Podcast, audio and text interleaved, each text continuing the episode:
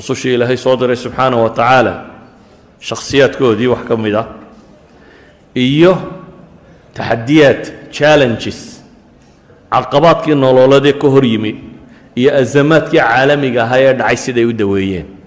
Maanta caalamulislaami asma caalamiya buu ku jiraa. Ama aan duniduba asma bay ku jirtaa. Waayo dunida waxa madaxa ku duubtay. Dad aan cadaalad aqoon akhlaaq fiican lahayn diin dhabana rumaysnayn ayay madaxa ugu duubantay. Cumaamadda u xidhan walidaalik dunidu asma bay ku jirtaa. Caalam alislaamina asmo ka sii gaara buu ku jiraa. Oo intaan cid kaleba u iman iyaga gacantooda isku dhameeyeyba. Intaan cid kale soo gaadhin caalamulislaami waxaan odhan karnaa waxaa loo adeegsaday afkaartii caanka ahayd ee la jiray the art of war. Buug baa jira nin filosofo hore oo chinese uu qoray. Dhinkaa chineskii buugga uu qoray waadan buu galbeedka gaadhay reer barigu aad bay u yaqaaneen. Waa nin filosofa janan ciidanna ahaan jiray la taliyo madaxweynena ahaa. Dabeetana dowladdii wuxuu u qoray buug la yidhahdo the art of war. Qaabka loo dagaalamo dagaalka loo galo marka wuxuu ka warramayaa. Cid kaa xoog badan haddaa istishaan maxaad yeelaysaa? Colaaddu hadday adiga iyo kaa dhaxaysa maalan wuxuu ninkaa xoog weyn haddaad la dagaalanto oo dagaaladan dhex mara yeelaysaa. Gacantiisa iyo nabarkiisa gacantaadu ma waabin karto ma celin kartid. Colaadna waad huran tahay. Maxaad samayn buu isweydiiyey waa masalada ay ka riba ka ratibantay dagaaladan qaabkan loo dagaalamay konfuga iyo waxa kan la yidhaahdo ee chiniiska iyo maxaa la yidhaahdaa jabaniiska iyo dagaaladan ay galaan. Waxay yidhaahdaan waxa ugu fiican ee lagu dagaal galaa waa cadowgaaga xooggiiso aada adeegsato. Waxay yidhahdaan maalan hadduu feedhka kugu soo tuuro oonad celin karaynin. Isku day inaad ka gaban karto inaan wejigaaga ku dhicin laakiin stebka labaad aad samaynaysaa waa maxay?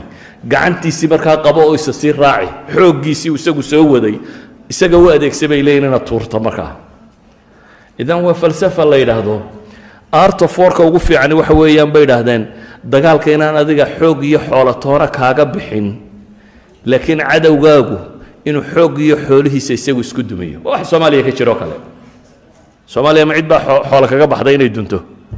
No xoogga iyo xoolaha iyo dagaalka iyo geerida iyo xabadaba yaa leh in soomaaliyeed baa leh. Caalamulislaam oo dhammina waa sidaa tan waxaa ciraaq ka jira waxa suuriya ka jira waxa libiya ka jira waxa masar ka jira waxa waa xooggoodii bay isku isticmaalayaan. Cadowguna waa u kala sacbatumaya idan asmaadka caalamiga ee ambiyadu soo martay say u daweeyeen ayaa isweydiinta leh. Waxa isweydiinta leh waxay tahay alinxiraafaat albashariya taarikhda bini aadamka markaad eegto beledu kow maaha. Dadka barh baa u haysta kolba mushkiladda qabsata. Mid la mid inaanay dunida soo marin maya beledu kow maaha.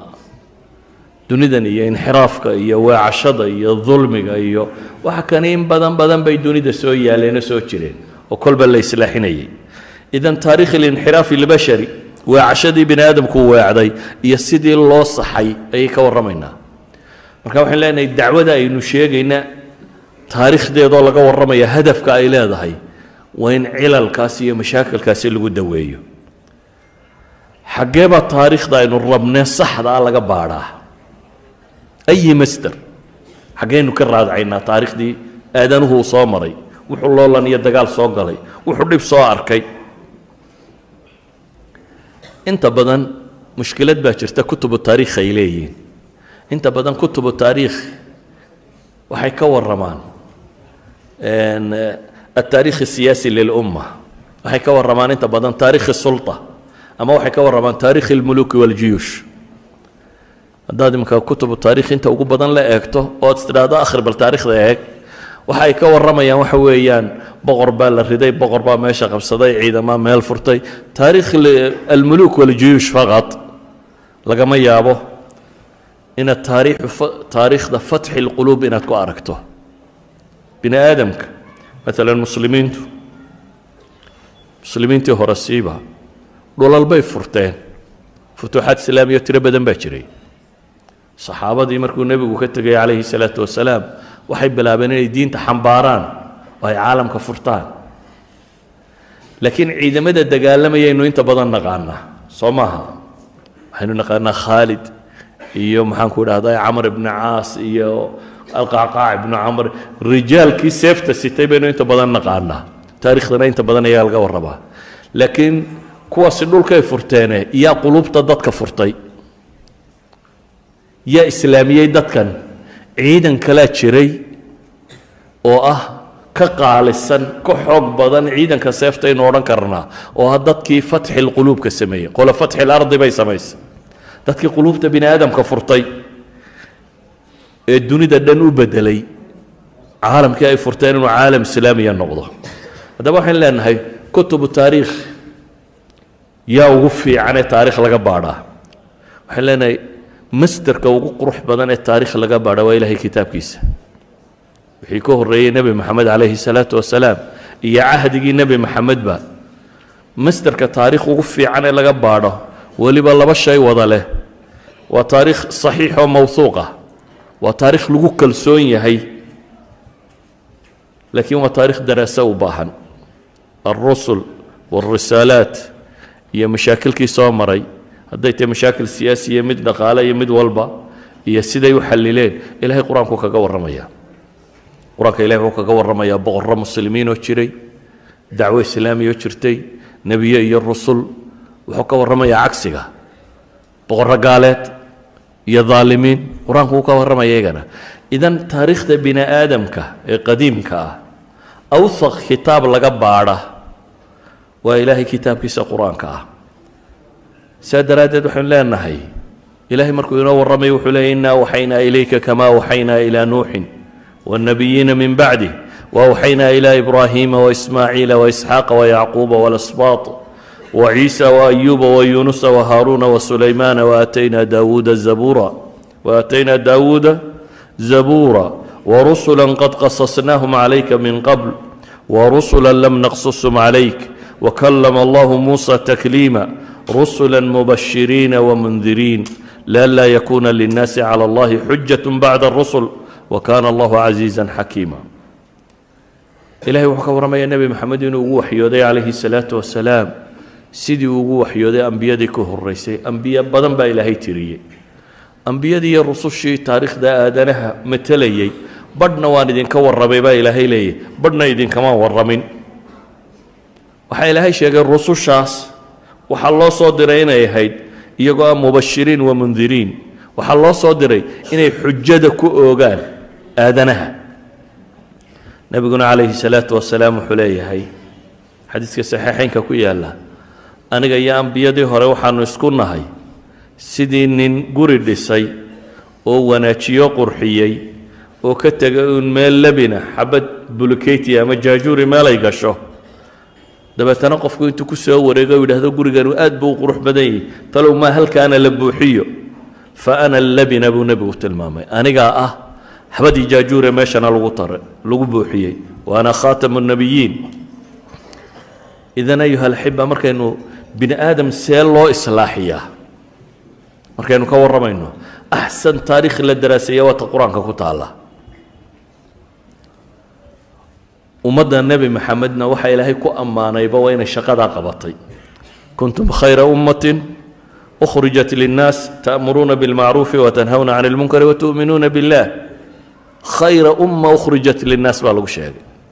Ummad u khayr badnaydee dadka loo soo saaray. Waxaynu isweydiinaynaa marka ayuha alaxiba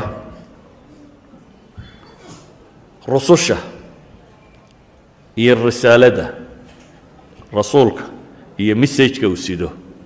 Waxyiga loo soo dhiibay. Waxay wada wadaagaan baa jira. Haddaad qur'aanka akhrido. Rasuul kasta markaad akhrido waxaad helaysaa common factor isir wadaag wax ka dhexeeya qisaskao dhan. Waxaasi waxa ay tilmaamayaan inay yihiin mucda ugu muhiimsan ee taariikhda bini aadamka marka aad rabto inaad isbeddel samayso. Kastoo aad rabto inaad isbeddel samayso waddada rusushu martay ayaa ilaahay subxaana wa tacaala inoo tilmaamay. Waxaa laga bilaabo nebiga lagu yidhi sharaca lakum min addiini maa wasaa bihi nuuxan waladii awxaynaa ilayka wma wasaynaa bihi ibraahiima wamuusa waciisa an aqiimu اddiina walaa tatafaraquu kabura cala lmushrikiina ma tadcuuhum ilayh allahu yajtabi ilayhi man yashaa wayahdi ilayhi man yuniib diinta waxaa la idiin jidayey baa la yidhi wixii loo waxyooday ee loo dardaarmay nebi nuux waladii awxaynaa ilayk iyo kaanu adiga nebi maxamed oo kuu soo waxyoonnay iyo wixii aanu u dardaaranay nebi ibraahim iyo nebi muuse iyo nebi ciise idan ambiyadan oo dhammi waxyi isku mid ah ayay dhan ka sideen dhanna waa ku kala gedisnaayeen waxyiga isku midka ay sideen waa maxay? Waa waxyiga tilmaamaya furaha bini aadamka furaa jira qofka bini aadamka haddaad rogto bes wuu furmay. Albaabka haddaad qafilka furihiisa heshana si fudud baad u geli kartaa. Haddaanad furaa hayninna dee ama albaabkaad jebin ama rabshad kala adigi waa adkaanaysaa inaad gudaha gasho. Aadanaha waxaa jira meel laga furo. Bini aadamka waxaa jira meel laga furo furahaasi hadduu rogmo waxa laaliya waxaa ku xiga it will be easy waa fududaanaysaa hadduuse kaasi ku rogmi waayo waa adagtay kufaakac ka bixi maysid inaad kufto oo kacdo ka bixi maysid waa maxay kaasi ولقد بعثنا في كل أمة رسولا أن اعبدوا الله واجتنبوا الطاغوت فمنهم من هدى الله ومنهم من fasiiruu fi lardi fanduruu kayfa kaana caaqibat lmukadibiin. Ilaahay wuxuu leeyahy ummad kasta rasuul baan u soo diray. Nebiga waxaa lagu yidhi wixii nebi ibraahim loo waxyooday iyo nuux iyo muuse iyo kuwaasaa lagu soo waxyooday adma kaasaana laydin faraya. Waxaa kaloo ilaahay inoo sheegaya nebika ummad kastoo dunida soo martay rasuul baa u yimi yacni dadka badhba moodaya rusushu dhowr iyo labaatankan qur'aanku ka warramo inay tahay ama ambiyadu intan nusuustu inoo sheegtay inay tahay. Maya qur'aanka iyo xadiidkuba waxay tilmaamayaan qaar badanoo kale inay jireen. Nebiyadii maraykan loo soo diray ama indiya loo soo diray ama dhulka laynogama warramin. Nebiyada laynooga warramay inta badan waxa weeyaan intii maxay? Middle eastkan iyo intan intii loo soo diray weeyaan qur'aanka inta badan nebiyada ku yaalla. Laakiin ilaahay wuxuu tilmaamayaa fii kulli umma dunidan jirtay inuu rasuul u diray. Cid u digta in loo diray. Rusushaasi maxay wadeen haddaba? An icbudu allah. Anta waa tafsiiriyadii maxaa la leeyahy ucbudu allaha baa lagu soo wada diray. Maa lakum min ilaahin hayru ucbudu allaha wajtanibu طaaguut ilaahay caabuda oo daaquudka ka fogaada waxaan alla ahayn ina sujuudaan ama caabudaan ama ka dambaysaan idan kelimatu tawxiid rusul oo dhan baa waday. Waxaa ka mid a dadkaa dad hanuunay baa ilaahay yidhi oo daatminis hadduu hanuuno qofku waa maxay? Dariiqa saxa ah buu helay. Iyo qaar dalaaladu baadinimadu korkooda ku sugnaatay oo waa kuwii diiday. Bal dhulka eegoo soo eega baa ilaahay leeyahy intii diiddayna saanu galay. Idan ilaahay wuxuu leeyahay rusul oo dhammi hal waddo quray dadka ugu yeedheen one thing baa common factorka koowaad ah waa maxay? Waa cibaadat اllahi waxda. Waa kelimatu tawxiid. Waa laa ilaaha ila اllah laga soo bilaabo nebi nuux. Oo awalu rasuul ay culimmadu ku tilmaamaan rabbi soo diraya. Dee awal haddaad maqashana kolleyba khusuusiyadiisuu leeyihi oo qur'aanku wuxuu sheegaya sagaal boqol iyo konton sannadood inuu masaladaa waday. Waxaa la tilmaamaya ululcasmiga inuu ka mid yahay qur'aanka waxa uu ku soo arooray magaciisu afartan iyo saddex jeer sagaal iyo labaatan suuradoodna wuu ku soo arooray. Qur'aanku rususha uu ka warramay waxaa ka mid ah nebi muuse oo afar iyo soddon suuradood ilaahay kaga warramayo oo qur'aanka makigaa u badan. Qisaskiisa waxaa lagu tilmaamaya shan iyo labaatan mowdic oo qur'aanka ka mid ah qisadiisa ilaahay kaga warramaya. Boqol iyo lix iyo soddon jeer baa magaciisu ku soo noqnoqday qur'aanka labaatan ka mid ah qisada fircoon iyo isagaa ku soo arooray. Maxaa waxaanoo qisa laynoogu sheegay? Ma uu nebi baaba ay isheleen nin boqoroo dadka laayo kaasoo intaasaa maya. Waa inaynu ka faa'iidayno. Waa inu nolosha maanta joogta iyo isbeddelkeeda. Qisadan baan u qisaskan qur'aanku uu sheegaya waxay ka warramayaan. How to change. See bini aadamka loo beddelaa. See wax loo qabtaa. Walidaalik qur'aanka marka ilaahay qisaska inooga warramay maala fii suurati albaqara saddexda qaybood oo ugu horreeya waxaa lagaga warramay. Shan aayadood dadka ahlu iimaanka iyo sifaadka ay leeyihiin. Laba aayadood kafarada gaalada iyo sifada ay leedahay. Saddex iyo toban aayadood munaafiqiinta iyo calaamadaha lagu garto. Intaa markii laga warramay ayaa aayaadka ku xiga waxaa la tilmaamaya ilahay inuu cirka iyo dhulka iyo waxanba abuuray. Rabbi in la caabudo dabeetana qisat albashariya baa ilaahay tilmaamaya. Fardi iyo jamaacaba fardi waxaa laga warramaya qisadii nebi aadam.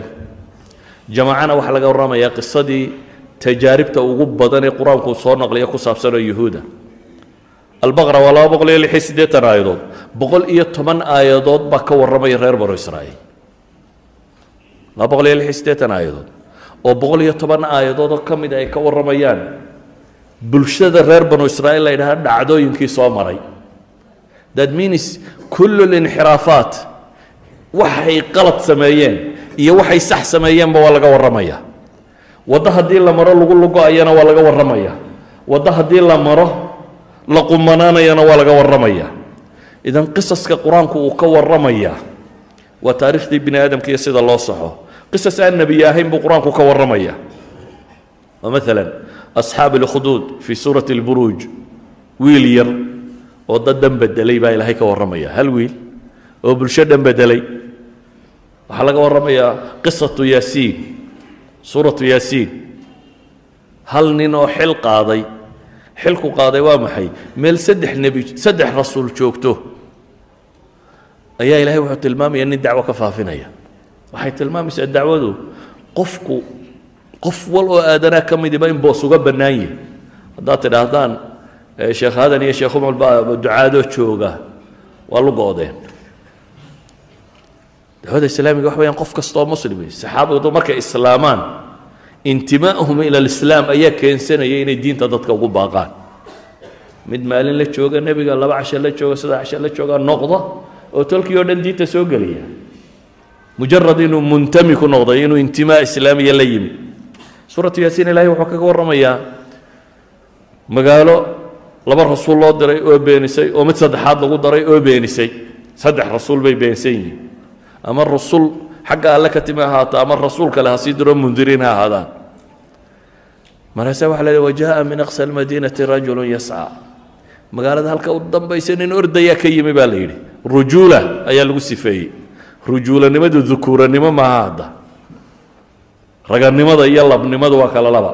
Labnimadu waa in laba xiniyood kugu yaaliin laakiin ma sheegaysa raganimo rujuula baa qur'aanku markuu rujuulada inta badan tilmaamaya waxaad arki kartaa rijaalun laa tulihim tijaaratun min almu'miniina rijaalun sadaquu llaha maa caaduu calayhi. Rijaalnimadu way ka gedisan tahay bay yidhaahdaan. Labnimada way ka gedisan tahay. Ninkan raganimaa lagu tilmaamay. Waxaa kaloo la sheegay meesha laysku hayay inaanu joogin laakiin mas'uuliyaduu dareemayey meel kalu ka soo cararay warkaa soo gaadhay isagoo meel kale jooga. Dabeetana wuxuu dareemay in xil saaran yahay inuu isna dadka u digo. Ismuu odhanin waar saddex rasuul baa meesha joogay adiga maxaa maxaad qaban meel saddex rasuul la diiday maxaad sheegi? Idinku dee laba sheekh baa leediin meelay joogaan ama saddex sheekh? Maxaad sheegiye ninkani saddex rasuul meelay joogto? Ayuu xaytay oo leeyahay adna xil baa ku saaran. Markuu yimina xilkiisii buu gutay oo uu leeyahay aqbala kuwa idinku yeedhaya maxay? Ilaahay aan waxba idinka doonaynin aqbala. Qisas baa ilahay qur'aanka inooga warramaya asxaabu sabti baa ilaahay ka warramaya. Waxaa laga warramaya qisaska suuratulkahf ku yaalla. Qisadii fityatun aamanuu birabbihim ama qisadii khadar iyo dhex martay nebiyullaahi muusa ama qisadii ninka mu'minkaa iyo ninka beerta hayste ee kaafirkaa dhex martay ama qisada yani qisas badan baa ilaahay kaga warramaya. Afar qisoo kale nooca iyo qisada ibliis oo dhex taalo ah ayaa lagaga warramayaa fii suurati alkahf. Kullu haadihi alqisas qur'aanka markaad akhrido ee daraasayso waxay wadaagaan baa jira. Waxa ay wadaagaan waa meesha laga dhaqaaqa haddaad rabto inaad islaax samayso haddaad rabto asmada inaad ka xoog badato haddaad rabto change inaad bulsho ku samayso haddaad rabto horumar inaad samayso thats the way buu qur'aanku leeyahy waa taa waddadu. Laakiin diyaar ma una inaynu waddadaa marro weeyaan waddadan calaamada maxaa u ah? Kow waxaa calaamad ah ucbud ullaha maa lakum min ilaahin hayru qiso kastoo nebi markaad akhrido inta badan waxaad arkaysaa nebi weliba muxuu talkii ku leeyahy ucbud ullaha maa lakum min ilaahin hayru ilaahay caabuda keligii cid kaloo la caabudo ma lihdi. Fii suurati shucaraa nebi kasta marka laga warramo muxuu leeyahy fattaquu llaha waatiicuun allana ka cabsada anna iyo ateeca buu rasuulba leeyahy idan jidka alle iyo rasuulkiisa in la adeeco ah ayaa ah jidka wax ku islaaxaan. Ayaa ah jidka wax ku islaaxaan dadka badh baa laga yaaba inay idhaahdaan war naga dahaye mushkilad siyaasiya ina haysatee? Mu'miniin waa nahay mushkilad kaloo siyaasiya ina haysataa ama mushkilad iqtisaadiya ayna haysatee dad mu'miniina baynu nahay? Maca aynu mu'miniin nahay jidkan buu ka bilaabmaa ay rusushu ka bilowday. Waayo qur'aanku wuxuu ka warramayaa mashaakil kala gedisan bulshooyin ay haysatay iyo sidii loo islaaxiyey bini aadamka inta badan duqyaan siyaasi uu dhacaa xadgudub siyaasadeed oo dabeetana ummaddu ay la burburto. Duqyaan iqhtisaadiyaa dhaca ama burbur dhaqaale oo ummaddu la burburto. Duqyaan akhlaaqiya baa dhaca. Dadku akhlaaqdu fasahaadoo duma. Xadaaraadkaa duma. Akbaru hadihi almushkilaat waa mushkilaadka maantana dunida ka taagan soo maaha? Mushkilaadka maanta dunida ka taagan waa mushkilaad xadaariya oo akhlaaqiya no value cadaaladi ma jirto runi ma jirto aaminaadi ma jirto boob iyo dhac iyo baa ku jira idan waa mushkila caalamiya mushkila caalamiya maanta taagan dhaqaalo ku saabsan mushkila caalamiya taagan siyaasa ku saabsan haddaba nebi wal oo la soo dirayba towxiidka intuu ka bilaabay ayuu mushkiladana second ka dhigay waayo towxiidku waa maxay waa furahan idiin sheegayey hadduu rogmo waxa ka dambeeyana waad salaaxin kartaa. Ama dhaqaale ha noqdo ama siyaasad ha noqoto ama akhlaaq ha noqoto waxa ka dambeeya waad salaaxin kartaa. Haddaad se rogi kari weydo waa camcamis waxaad waddaa. Ambiyada waxaa ka mid ah kuwo u yimid tolkood oo dhaqaalaha mashaakil dhaqaale u jiro. Wa ilaa madyana akhaahum shucayba qaala yaa qowmi icbudu اllaha ma lakum min ilaahin hayru qad jaaءatkum bayinat min rabbikum fawfu اlkayla wاlmiisaana wlaa tabkhasu اnnaasa ashyaahm wlaa tufsiduu fi اlardi bacda islaaxiha dalikum khayru lakum in kuntum muminiin wlaa taqcuduu bkuli siraaطin tuuciduuna watasuduuna can sabiili اllahi man aamana bih watabquunaha ciwaja meel kastoo qisada shucayb aad qur'aanka ku aragta waxaad arki doontaa iyadoo kayl iyo miisaan iyo laa tabkhasu اnnaasa ashyaahum laga waramayo macnaheedu waa maxay wuxuu yimi ummad mushkilad dhaqaaleed ay haysato tuugannimo dhaqaale ay jirto. Laakiin markuu tuuganimadaa islaaxinayey wuxuu ka bilaabay towxiidka marka hore. Dadkan inuu rabbi ku xidho kadib buu ku xigsiiyey. Mushkilada iqhtisaadiga ah. Nebiyullaahi huud qur'aanku wuxuu tilmaamayaa dee qoomkaasi maxay ahay caad irama dati alcimaadi alatii lam yukhlaq miluha fi lbilaad wathamuud aladiina jaabuu sakhra bilwaad. Labadaa koox xadaara bay lahaayeen baa la yidhahdaa aada u ballaadhan maalan qur'aanku markuu ka warramayo waxaa la leeyahy isagoo nebigu la hadlayo wuxuu leeyahy atabnuuna bikulli riicin aayatan tacbauun war meel kasta ma calaamadaa ku cayaaraysa ama mataalooyin iyo waxa cayaara ayaa ka samaynaysaa watattakhiduuna masaanica lacalakum takhluduun waidaa batashtum batashtum jabbaariin wuxuu tilmaamayaa masaanic iyo horumar iyo wax inay lahaayeen. Waxa uu tilmaamayaa xoogbadnida kibir baa laga qaadaa. Inta badan dadku qofka aadamku hadduu muruqiisa iyo jeebkiisu bato inta badan kibirkiisuna wuu bataa. Soo dowladahan iminka waaweyn maad arag. Muruqooda iyo xoogoodaa batay dabeetana kibir. Dunida inta kale waxay leeyihiin waa ina iska kaaya daba socotaan ilaahay wuxuu leeyahay isagoo ka warramaya nimankaasi waidaa batashtum batashtum jabbaariin haddaa wax qabataana dad kibray sidood baa qabanaysaan. Idan mushkila xadaariya baa ka jirtay bay yidhaahdaan qur'aanku nebi luut buu ka warramayaa meel kastoo luut uu ku yaallaba qadiya akhlaaqiyaba laga warramaya. Waluuطan id qaala liqowmihi ata'tuuna alfaaxishata maa sabaqakum biha min axadi min alcaalamiin? Inakum lata'tuuna alrijaala shahwa. Min duuni nisaa'i bal antum qowm musrifuun. Wma kana jawaaba qowmihi ila an qaluu akhrijuuhum min qaryatikum inahum unaasu yataطaharuun waa mushkilaadka maanta dunida yaalla qolada magaalada ka saara bay idhaahdeen. Waaba dad doonaya inay isdaahir yeelaan in isnadiifiyaan idan waa mushkila akhlaaqiya inta raggu ragga wax ka doonto inuu dumarkaba ka tago waa mushkilad akhlaaqiya neba alla u soo diray mushkiladda inuu islaaxiyo. Laakiin towxiidkaa la tilmaamaya. Waxaan leenahay markaa ayi mushkila dunida taalla? Furaheeda koowaad waxa weeyaan maxay? Waa towxiid waa inaad dadka rabbigood ku xidho. Waa inay aakhiro xasuustaan. Waa inay ilaahay ka dambeeyaan. Waa inay ogaadaan bini aadamka dunidan haddaan la xisaabaynin ou xoog bataba. Cid kaloo xisaabaysaa inay jirto. Maalin inuu imanayo isagoo red handed sawir iyo suurad iyo codba jiro. Dunidaad maanta ku noosha wax kastoo aad samayso. Waxay iminka inay yidhaahdaan. Meesha aad taagantahay haddaad ka dhaqaaqdo la sawiro. Waa foomkaagii waa la soo saari karaa xataa.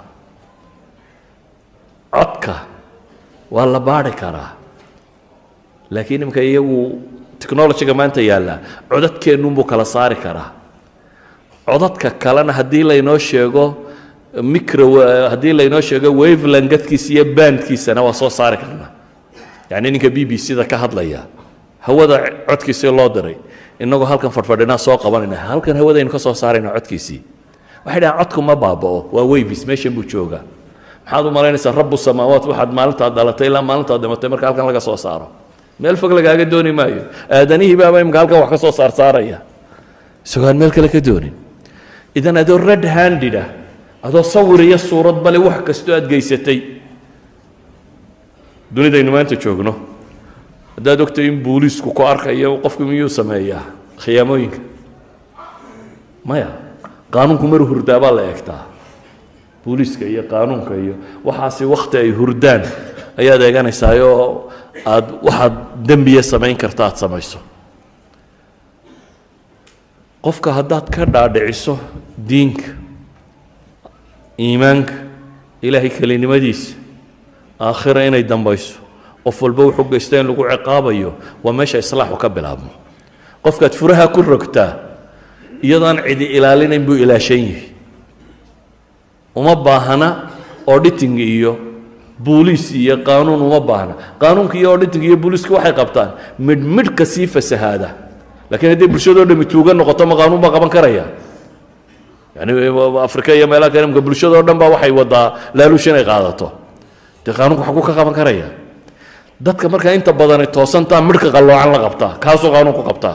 Laakiin bulsho dhan oo wada qaldan qaanuun loogu taageli maayo walidaalika asalku wuxuu yahay inaynu fatxi lquluub samayno. Dadkan quluubtooda in la furo.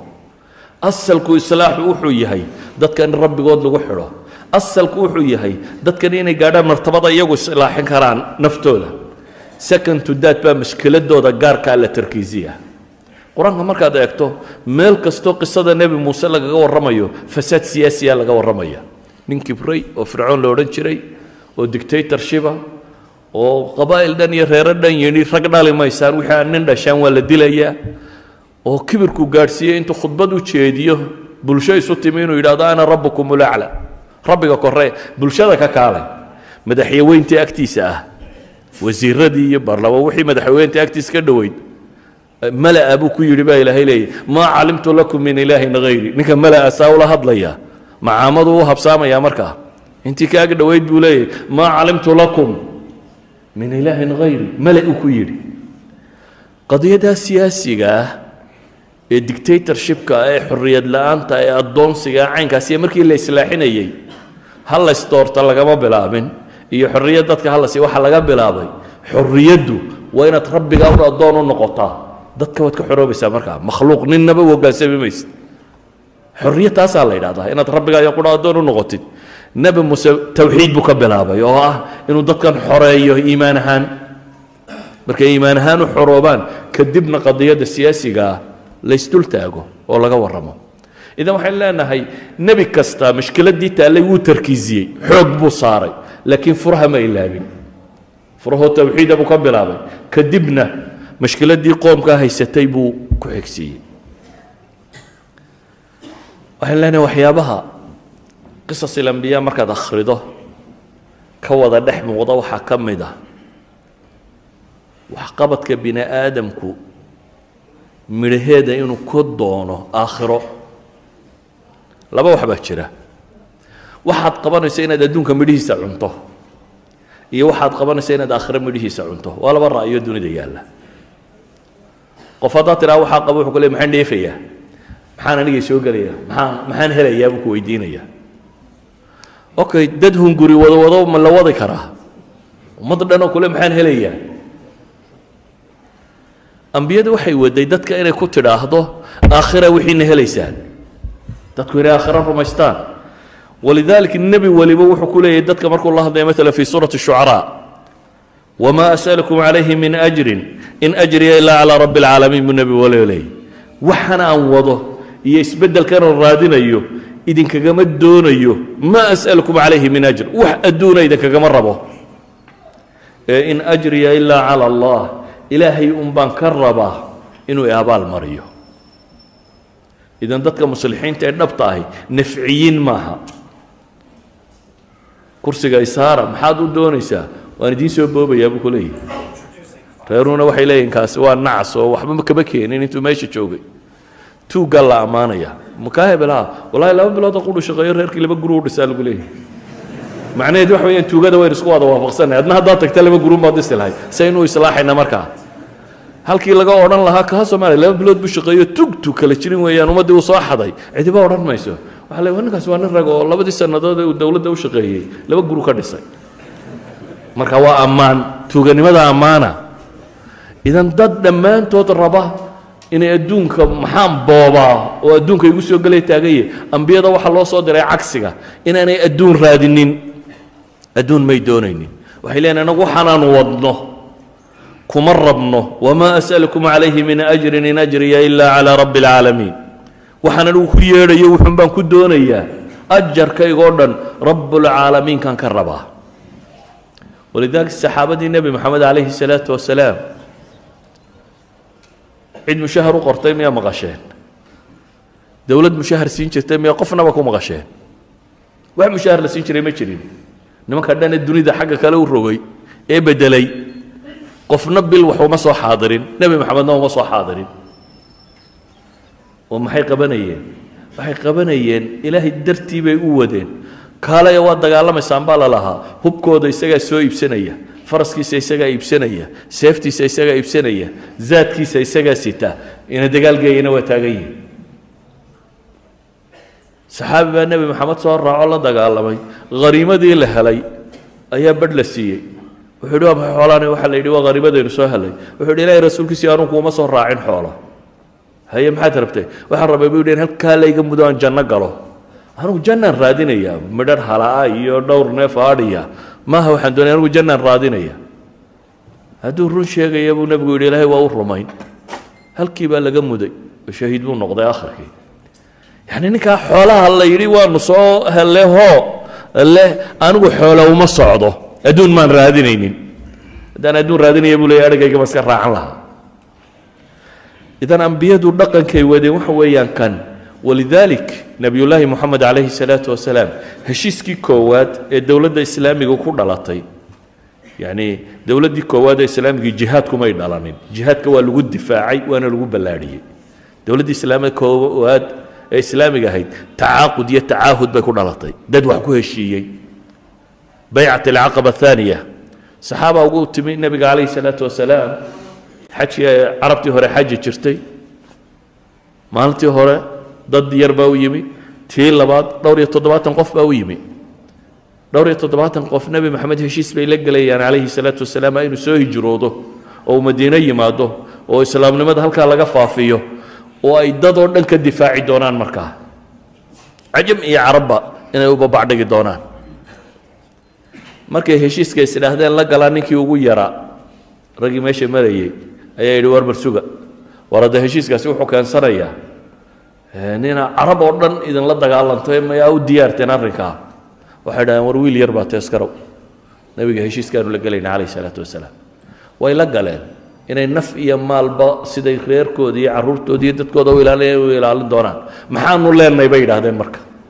Haddaanu annagu fulinno wixiina laga rabay oo muslimiinta ilaalino oo dowladda islaamiga dhisno oo cayn ka naf iyo nafiisba u hurro maxaanu leenahay nebigu makuu yidhi aniga dabaday baa madaxda noqonaysaan. Madaxweynaha guxigaa idinka ahaanaya ama wasiiraan idin siinaya. Maya muxuu ku yidhi? Lakum uljanna buu yidhi. Haddaad fulisaan qadiyadaasi waynu guulaysanno. Jannaa leediin buu nebigu ku yidhi calayh isalaatu wasalaam. Heshiiskii saasay ku galeen. Baycat alcaqaba athaniya lakum uljanna bay ku go'aansatay. Go'aankii kaasuu ahaa ma difaaceen nebi maxamed calayhi salaatu wasalaam haa. Wixii qurayshi dagaal soo qaaday dhammaantood waa difaaceen nebi maxamed calayhi salaatu wasalaam. Waa la dagaal galeen naf iyo nafisba waa u hureen. Bal ee markii xoolaha badan la helay qaswatu xunayn iyo meelaha ansaar xoolihii badnaa lama siine. Kuwii iminka soo islaamay diinta la jeclaysiinaya la siiyey. Idinka nebi maxamed baa idin raacayaa lagu yidhi calayhi salaatu wasalaam. Iyagu idan xoolamay ahayn islaaxa waxay u rabeen. Diinta inay dhisaan waxay u rabeen. Dowladnimada inay dhisaan waxay u rabeen. Dunida inay wax ka bedelaan waxay u rabeen. May ahayn inay xoolo helaan. Waxay ahayd inay dadku islaaxo iyaguna ajarkooda ay aakhiro helaan. Qabaa'il baa u yimid nebigoo waxay idhaahdeen waxaan rabnaa qur'aanka ina la baro. Toddobaatan ninoo quraadii culammadii muslimiinta ka mid ah lagu daray. Waxay rabeen nebi maxamedun inay khiyaameeyaan waanay khiyaameeyeen nebi maxamed bashar buu ahaa waxyigu wuxuu u sheega mooyaane. Sidaa bini aadamku loo khiyaamayn karaa baa loo khiyaamaynayay. Cid nagu dar baa la yidhi diintana barta. Dhowr qabiilaanu noo waanu salaamaynaaye. Toddobaatan ninoo saxaabaabuu ku daray. Xaggoo markay la tageen toddobaatankiiba way soo dileen. Laba nin baa ka baxsaday. Raggaa uu ku daray nin baa warqadda siday. La yidhi bo ninka madaxda u ah qabiilkaasi u dhiib. Waraaqdii markuu isyidhi u dhiib dee waa niman lagu ballamay in la dilabe mid baa la yidhi xagga dambe ka maroo waran geli. Xagga dambe intuu ka soo maray ayuu waran xagga kale uga saaray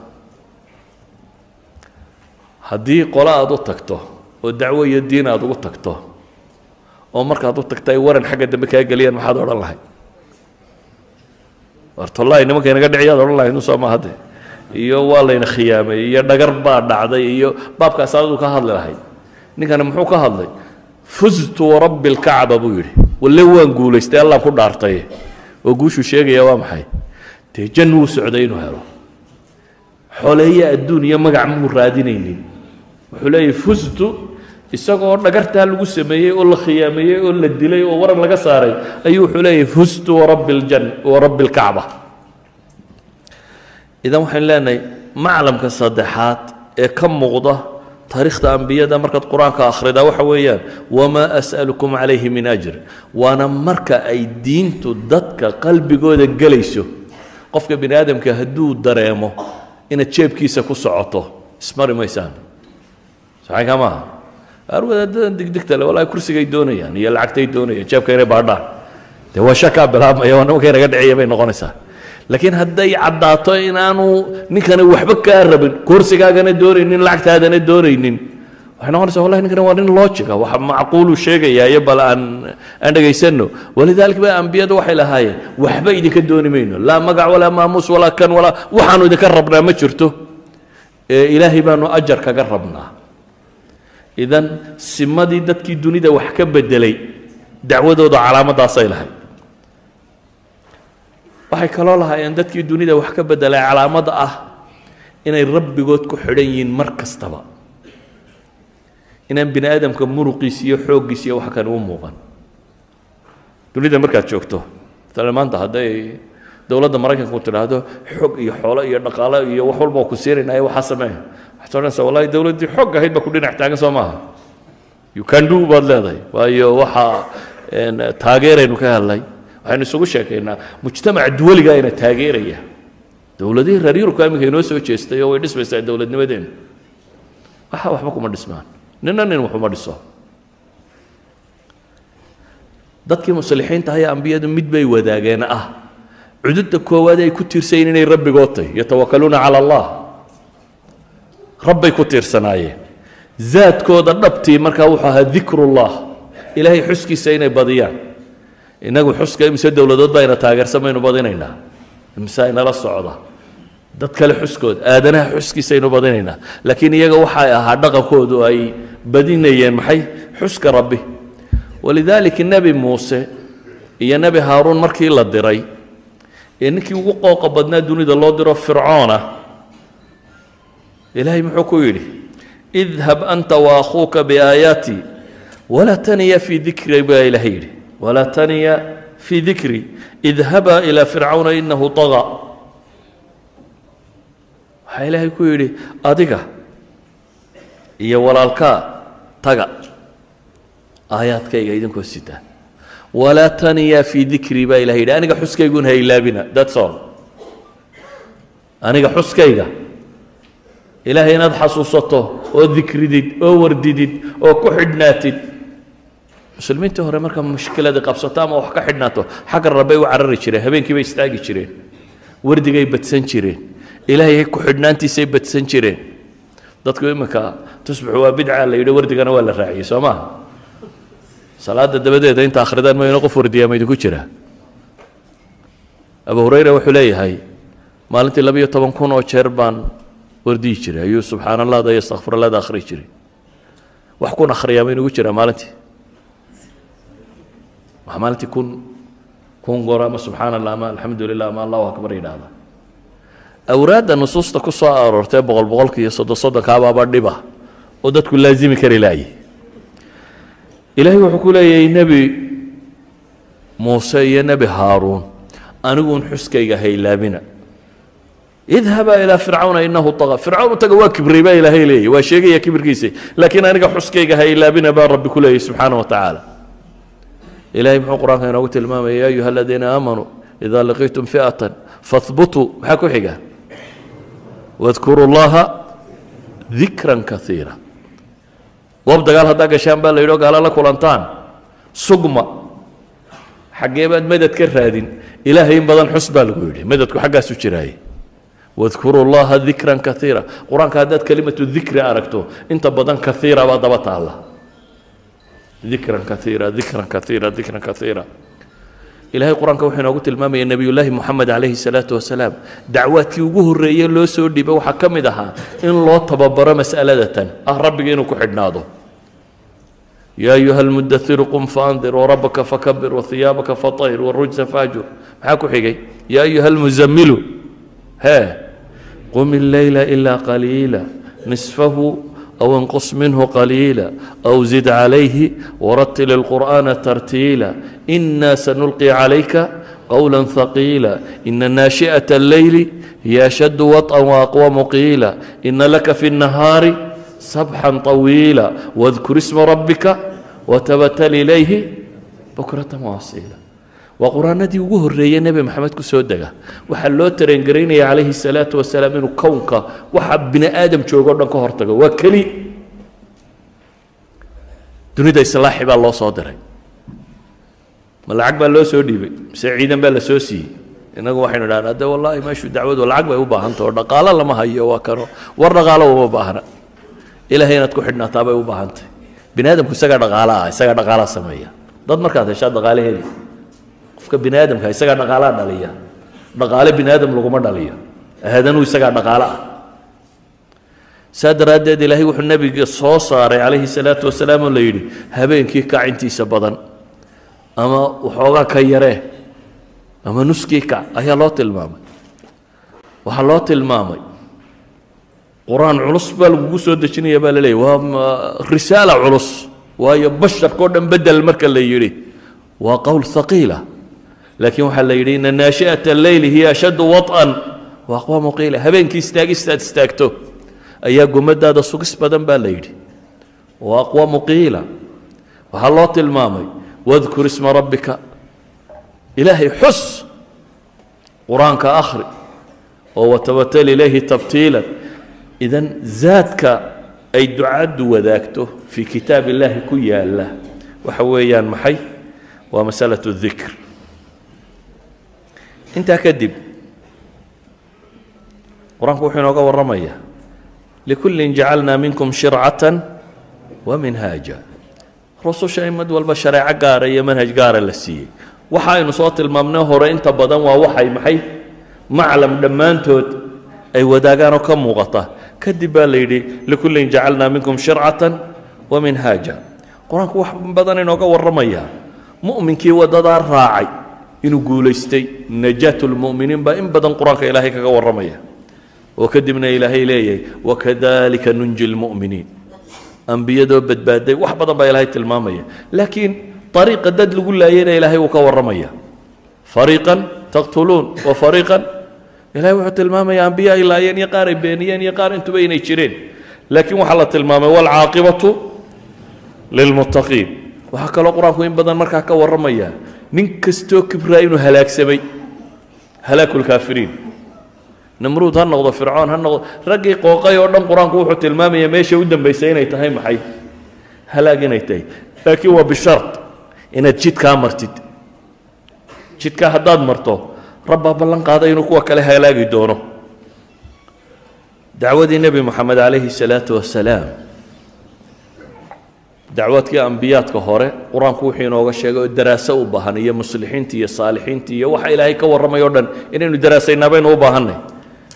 Nebi maxamedna calayhi salaatu wasalaam xaggee looga bilaabay see la yidhi wuxuu islaaxi waxay dhahaan suuradda koowaadee ku soo degtaa masalat alcilm iyo inuu ilaahay kariim yahay oo uu rabbigii ka waxbixiye yahay bay ka warramaysaa.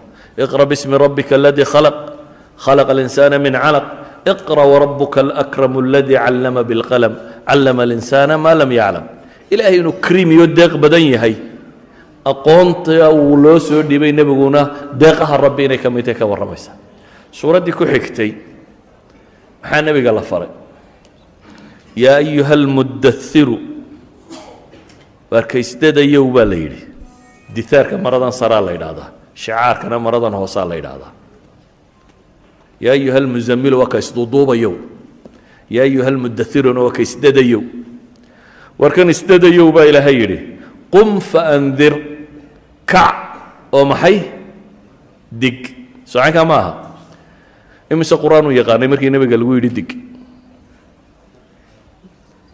imise qur'aan u yaqaanay haddaynu qaadanno qowlka odhanaya almudairu waa suuraddii labaadee soo degtay wuxuu yaqaanay maxay shanta aayadood iqra ugu horeysa idinku imsaa taqaaniin mise idinku culammadaa digaysa oo sugaysaan. Dacwada culammada qaadaysee idinku waa fadhfadhiyaysaan nebi maxamed iyadoo shan aayadood ku soo degtay ayaa suuraddii labaad ilaahay wuxuu ku leeyahay yaa ayuha almudathiru qum faandir. Kacoo dig. Towxiidka iyo aakhiro ma cidaan garanayn in dadka loo sheegaa jirta. Arkaan ulimaan ma garanayn baa jirta duuduub ahaan arkaan islaam duuduub ahaan ma cidaan garanayn baa jirta. Islaamku waxyaabaha waaweyn uu xaaraantinimeeyey ma cidaan garanayn baa jirta. Akhlaaqiyaadka waaweyn islaamku ina faray. Waa macluum min addiin bidaruura waxaasoo dhammay. Idan inaad digto way tahay. Haddaad dariiqii nebi maxamed rabto inaad raacdid. Inaad fatwooto laakiin maaha.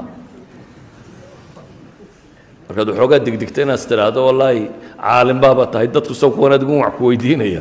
Wax walba sheeg maaha. Yani waa inaynu kala garannaa dacwadaynu ka warramayno iyo iyo inaad nin caalim ama mujtahid ama qaadi ama kaha tahay taasi waa manzala cilmiya waa martaba min maraatib ilcilmi la gaadho dad gaaraana gaadha dadkuna weligiiba wada culamo ma ahayn saxaabada xataa ma wada ahayn dad wada fatwooda in ka mid unbaa fatwoon jirtay rag baanad weligaa fatwo ay leeyihiin meel ay ku qoran tahay aanaad arkaynin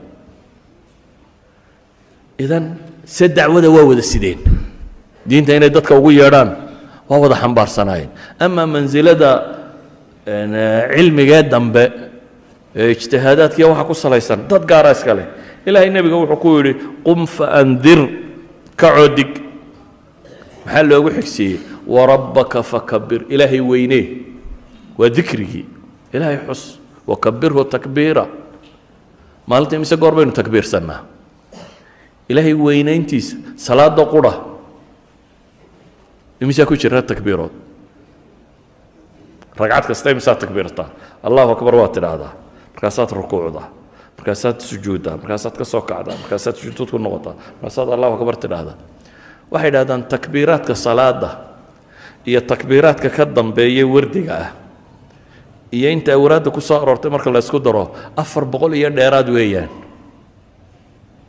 laakiin ma dhadhansannaa mise inagoo iska sii jeednuun baynu allahu akbar allahu akbar allahu akbar allahu akbar waxaad leedahay waxaanad garanaynin ilaahay nebi maxamed wuxuu ku yidhi dig calayhi salaatu wasalaam warabbaka fakabir baa la yidhi ilaahayna weynee xus oo weynee wa hiyaabaka fatahir maradaada ama qalbigaaga ama jidhkaaga mid ay tahayba najaasaadka macnawigaaya kuwa maadigaaba ka dheerow isdaahir yeel qof nadiifa noqo akhlaaq ahaan nadiifa diin ahaan nadiifa jidh ahaan nadiifa isdaahiri warujsa fahjur xumoo dhanna ka hijrood baa la yidhi ka guur. Walaa tamnun tastakir walaa tamnun. Tafaasiir badan bay culammadu saareen lakiin waxaa ka mid ah. Ha gallad sheeganin waxoogaaga yaraa diinta dadka u sheegtay adigoo badsanaya ama dadka wax kaga doonaya ama ay kula badan tahay. Adigoo isleh waxaa laga yaabaa intaad hal kitaab dhigto inaad tiraa wallahi daaci weyn baatay adigu dee duruusta waad adigaa weli wadoo laasimay waxoogaa yaroo aad qabatay inay kula buurmaan aad iscajabiso is tidhahdo adigu wixii lagaa rabo o dhan waad fulisay. Walaa tamnun ha galadaysan adigoo tastaktir ay agtaada moodaya inay badan tahay kula badan tahay. Yay kula badanin baa laleeya intaad qabanayso walirabbika fasbir. Nebi maxamed waxaa lagu yidhi isagoo keliya dunida loo soo diray fasdac bima tu'mar baa la yidhi. Waacrid can ilmushrikiin wixii lagu faray dadka gaadhsii ku dhawaaq. Feedbacka dadka ee caydooda iyo maagistoodana ha u dhegtaagin baa la yidhi. Waxay doonaan ha sheegaan. Waa wadaad iyo waa waalan iyo waa marakudheg iyo waa radical iyo waa fundamentalist iyo waa xagjir iyo wararka ha iska wadaan. Wax ka badan baa ambiyada lagu lahaa waa saaxir iyo waa maxaa la lahaa? Wax badan baa la akhrinayay. Idan waxaynu leenahay nebi maxamedna wuxuu inagu yidhi calayhi salaatu wasalaam balliquu canii walow qul haadihi sabiili adcuu ila allahi calaa basiira ana waman itabacanii wakhtigii salaaday gaadhay. Waxaan ku soo koobaynaa oo leenahay. ilaahay wuxuu qur'aanku leeyay walow shi'naa labacadnaa fii kulli qaryatin nadiira falaa tutic ilkaafiriina wajaahidhum bihi jihaadan kabiira. Haddaan rabno tuulo kasta mid u digaannu u soo diri lahayn ee gaaladu warkay sheegaysa ha aqbalin baa ilahay yidhi. Laakiin waxaad ku dagaal gashaabaa ilaahay leeyahy kitaabka qur'aanka ah. Kitaabkan baa xalkii oo dhan sidee? Isaga ku dagaalam kitaabkii la yidhi ku dagaalama innagu waxaan leenahay carruurta ha qaybto mid yar baad intaad degta soo qabataa waad malcaamadda keenaysa adna maqaaxidaad fadhiisanaysa warkan yar waxba waajibku ma aha. Adiga ahayd inaad qur'aanka qaybtoo baratid oo akhrisatid. Waxaynu carruurta u xiijinaynaa inaba ma rabnee. Markaa tiraa war carruurta maxaad macnaa hay waxaan is leeyahay hadhow ha anfaco oo adiga weyn ba hadduu ku anfici waayo isaga muxuu anfacayaa adiga weyn ba haddaan ku anfacaynin. Maxaa kan yar u anfacaya? Yacni caqligu wuxuu ahaa dadka waaweyne intay qur'aanka ka dhargeen inaynu idhahno kuwa yaryarna aan la gaadhno yararkuna yuu ka lumine. Laakiin inta inta waaweyn iska dayso inuu noqdo kitaab carruureed oo kuwan bugaagta yar carruurta loo dhigo kale inuu noqdo unoo la yidhaha carruurta qur'aanka loo dhigaya carruuri qur'aan dhigato. War qur'aankan waxaa loogu talagalay inuu dunidan bedelo nebi maxamed waxaa lagu yidhi falaa tuطici اlkaafiriina wajaahidhum bihi jihaadan kabiira. Gaalo warkeeda aqbalin laakiin isaga ku dagaalan baa ilaahay yidhi. Qur'aankaasi isagaa xikama dad qaar baa imika yidhahda hay arrimii caqligaa war caqli ka weyni ma jiro. Usuusha caqliga ee qur'aankaa sheegaya. Usuusha caqliguu ka inilaaqo qur'aankaa tilmaamaya. Qur'aanku inama laha caqliga daboosha. Bale ilaahay wuxuu tilmaamaya wax walba burhaan waxaan lahayn inaanay xujaba gelin. Waxaan burhaan gelin inaanu xujo haysanin. Idan qur'aankaa caqliga inoo sheegaya qur'aankaa wuxuu tilmaamaya naarta caqli laawunbaa gala baa ilaahay yidhi. Socankaa maaha qur'aanka ilahay muxuu ku tilmaamaya ahlu naarkaa waxay dhahaan low kunaa nasmacu aw nacqilu ma kunaa fi asxaabi saciir. Inta caqliga beeshaa naarta qabata. Caqligu hadduu janno ku geen waayo ma caqlu noqonaya. Waxaan leenahay qur'aanka kani hadday usuul caqliya tahay iyo hadday usuul sharciya tahay iyo hadday usuul wax kastoo bini aadamka baahidiya tahay isagu ku jira. Haddaba ayuha alaxiba kutubu taariikh. Aad baadhaysaan war qur'aankan baadha kutubu taarikh inta badan ma qoraan dadka fatxi lquluubka sameeyey futuuxaat alquluub nimankii qalbiyada furtay. Waxaa laga yaabaa marka aad tagtaan kutubu taraajum iyo kutubu tabaqaat iyo culammada kutubta ka warramay meelaha inaad ku aragto ninkaa caalimka oo toban kun oo qof ay dhegaysanaysay ama sheekh hebelo wacdigiisa toban kun ku islaamtay ibnuljawsi oo kale marka laga warramayo ama cabdilqaadir jaylaani oo kale marka laga warramayo bil aalaaf baa islaamay ay diin soo geliyeen. Bil aalaaf bay rabeeyeen bale waxay idhaahdaan dacwaddii sheekh cabdilqaadir aljaylaani waa sababaha keenay qudus in dib loo xoreeyo waayo jiilka xoreynaya ciddii tarbiyaysay bay ahaayeen. Laakiin dadka fatxilquluubka fura. Taariikhdooda inta badan lama qoro. Waxaa laga yaabaa maalan saljuuqiyiinta ma maqasheen dowlad lo odhan jiray salaajiqa salaajiqadu waa usushii turkida tan dowla saljuuqiya iyadoo shiica ay qabsatay meeshii oo dhan oo boqorku aanu qiimo lahayn oo meel daran ay sii socoto ayaa turkida gaalada mid baa ka soo cararay. In yaroo ciidana wata. Taqral bik baa la yidhaahdaa. Hadda artaqral maaha. Dowla alcumaaniya cuhmaankii dhalay maaha. Ka artaqral baa la yidhahdaa kan taqral bik baa la yidhaahdaa taqral bikaasi markuu soo galay taqral bikani waa ale barsalaan iyo nimankay ku abtirsadaan. Waa wowgiisii saddexaad meelaha. Taqral bik nin wadaadun baa islaamiyo diinta u sheegay. Markii uu islaamayna ciidamadii muslimiintii oo waa ninka ahlu madrasadaasaa dib u soo noolaysay. Waa madrasa nadaaminaya iyo baqdaad nimankii dib u xoray saljuuqiyiintu muddo aaduba iyadoo xagganna shiicay ka soo wado iyo gaalo xagganna masar iyo dhankan oo dhanna faatimiyiina haystaan. Caalamulislaami ba uu qiiro qiiro ku jiro ayaa ilaahay kuwaa u bixiyey. Miyaa maqasheen? Ciddii soo islaamisa maysa garanaysaan ninka hadhanna dunida islaamiga furay ama dowla alcumaaniya iska dhan waxay ka bilaabantay artaqral alabarsalaan maalan ka hore ku abtirsada waa boqor waa ninkii soo xidhay boqorkii dhammaayey dowla albizantiya ay lahayd arnos de dagaalal galeen bay maca boqorkooda soo qabteen laakiin waxaasi ay ku yimaadeen si kale aan u tilmaamo waa maqasheen tataar niman la yidhaahdo soo maaha oo caalam islaami jiidhay okay tataarku markay marayeen meesha loo yaqaano falastiin mamaaligtii baa jooji soo jebisay. Socaynkaa maaha. Caalamulislaami wixii dambe ay haysteen yaa ka xoreeyey. Yaa ka xoreeyey ma maqasheen. Ciidamo dambe xagga dambe galay oo nimankii tataarkaa jebiyey. Maya tataarka laftiisii ayuunba intay culuma heshay iyaga quluubtooda furatay. Dabeetana iyagunbaa dowlad islaamiya noqday. Tataarka laftiisii saddex qaybood bay noqdeen saddexda qayboodba holaako kuwa awowga u dib loo islaamiyey. Ilmo jankiskhan kuwa awowyada u ahaayeen ayaa dib loo islaamiyey. Dabeetana iyagoo xooggoodii iyo waxoodiiba haystaa ayay islaamka dib u faafiyeen. Idan waa fatxi lquluub waa ducaad waa dad diin ku yeedhayey qaarkood wadaad miskiinoo suufiya islaamiyey. Dabeetana waxaasoo dhammi dib u dhaceen. Andalus markay soo jabtay meelaha kan barbarkii sii joogay. Dariiqa alqaadiriya wadaaddo masaakiinoo suufiyiinoo ka tirsan baa islaamiyey. Oo dib islaamka ugu soo celiyey. Dabeetana islaamku dib uu soo kacay. Maxaan uga dan markaa inaan tilmaamo? Waxaan rabaa inaan idin tilmaamo. Taariikhda dhabta ee islaamku uu leeyahy waa ducaad. Oo rusuli ugu horayso oo ambiyo ku xigto oo muslixiinta ay ku xigto dadkan dagaalamaya iyo dadkan dowladda maamula iyo dowlad wanaagga lagu sheegay. Nin kastoo dowladdiisu wanaagsanaatay waxaad maqlaysaa uun caalimkii muslimkaee tarbiyeeyey caalim muslima ninkan ku dadaalay oo noocan ka dhigay. Dabeetana isna cadaaladdu faafiyey oo waxa kan buu ka dhigay. Idan ayuha alaxiba